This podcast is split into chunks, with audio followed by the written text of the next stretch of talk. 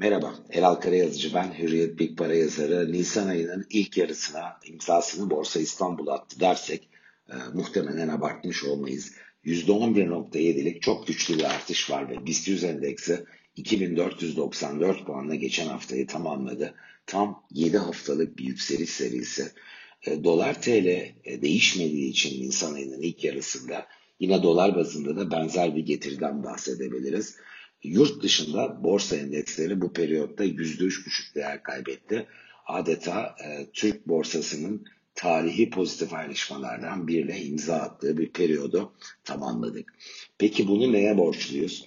Şimdi Nisan ayının bu ilk yarısında bankalar çok ön plana çıktı. Borsa %11 yükselirken bankacılık endeksi %21 yükseldi. Şüphesiz bunda en etkili faktör bankaların bu ay sonunda açıklayacağı 3 aylık finansallar çok güçlü kar artışları bekleniyor ve bu ufuktaki iyi haber olarak e, banka hisselerini destekleyip borsanın genelini de koruyor. Fakat biz sadece Nisan ayının ilk yarısında değil, ilk çeyrekte de iyi bir performans ortaya koydu. %34'lük artış 3,5 ayda oldukça yüksek ve bu dönemin enflasyonu olan yıllıklandırılmış enflasyon değil kastım 3,5 aylık fiyat artışı yaklaşık %25'lik enflasyonun da üzerinde e, bir getiriye imza atmış oldu borsa.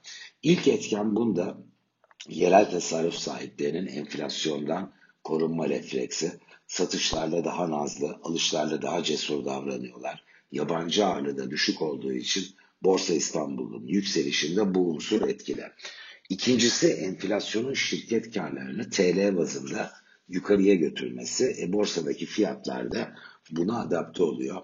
Elbette diğer bir faktör de momentum. Çünkü var olan trend yukarı olduğunda bu yatırımcıların daha iştahlı davranmasına neden oluyor. Pek aşağı yönlü alan genişledi, yukarı yönlü alan acaba kısıtlı mı soruları sorulmuyor. Borsa yükseldiğinde genelde özellikle de amatör yatırımcılar alış tarafında saf tutmayı yeğliyorlar. Yurt dışı, yurt dışı zayıf. Şimdi yüzde e, beş, e, yüzde üç buçuk kadar Nisan ayının ilk yarısında bir kayıp var. Ve biz sene başından bugüne neler oluyor diye bakarsak da yaklaşık yüzde on beş e, yurt dışında borsa endekslerinde kayıp olduğunu görüyoruz. Bunun elbette en önemli sebebi 2022 yılında e, ekonomik yavaşlamanın fiyatlanışı.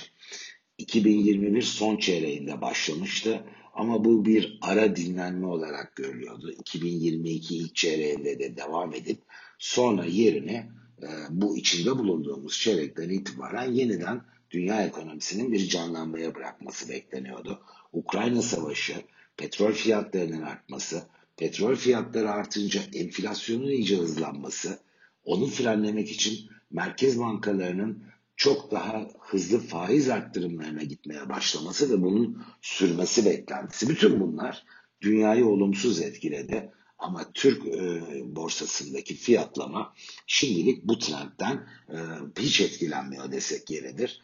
Bunda da beşinci bir etken demin saydıklarıma ilave edebileceğim aslında yabancı yatırımcıların Türkiye'de ağırlığının düşük olması. Çünkü adeta kılcal damarlar gibi dış iklimi içeriye taşıyan aracı e, bu yabancı küresel fonlar oluyor. Türkiye'de de ağırlıkları düşük olduğu için şimdilik biz bu trendin dışında kaldık. Ne kadar süre devam edebilir borsada? Hangi oranda ilave artışlarla karşılaşabiliriz? dersek ben yukarı yönlü alanın %12-15'lerle kısıtlı kalabileceği görüşündeyim. Bu demek değil ki BIST 100 endeksi önümüzdeki haftalarda ilave %15 kadar da değer artışı kaydedecek. Hayır bu e, pekala olmayabilir. Fakat yükselişin sürmesi durumunda ki ihtimali bence biraz daha fazla bunun yükselişin sürmesinin. 2850-2900 e, gibi bir bölge test edilmiş olursa hele ki banka bilançoları o beklenen iyi haber olarak geride kaldıktan sonra BIST 100 endeksinde bir yataylaşma, belki ölçülü geri esnemelere pekala şahit olabiliriz. Döviz tarafıyla noktalayalım. Orada özellikle Euro'nun değer kaybettiği bir ilk yarı tamamladık Nisan'da.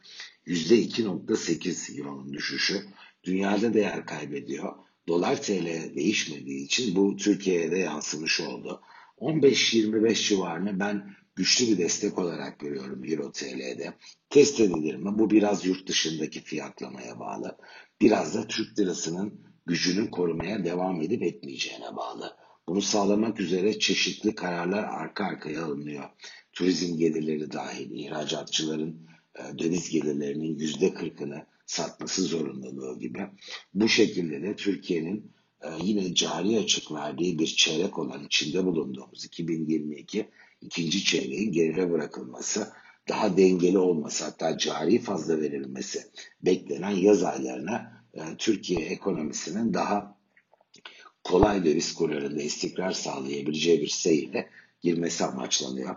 Ee, bu ne ölçüde etkili olacak? Bunu elbette birlikte göreceğiz. Fakat döviz kurlarında ilave çok büyük düşüşler olursa bu ithalatı arttırıp e, cari açığı yükselteceği için bunu da ben e, kamunun tercih edeceğini düşünmüyorum.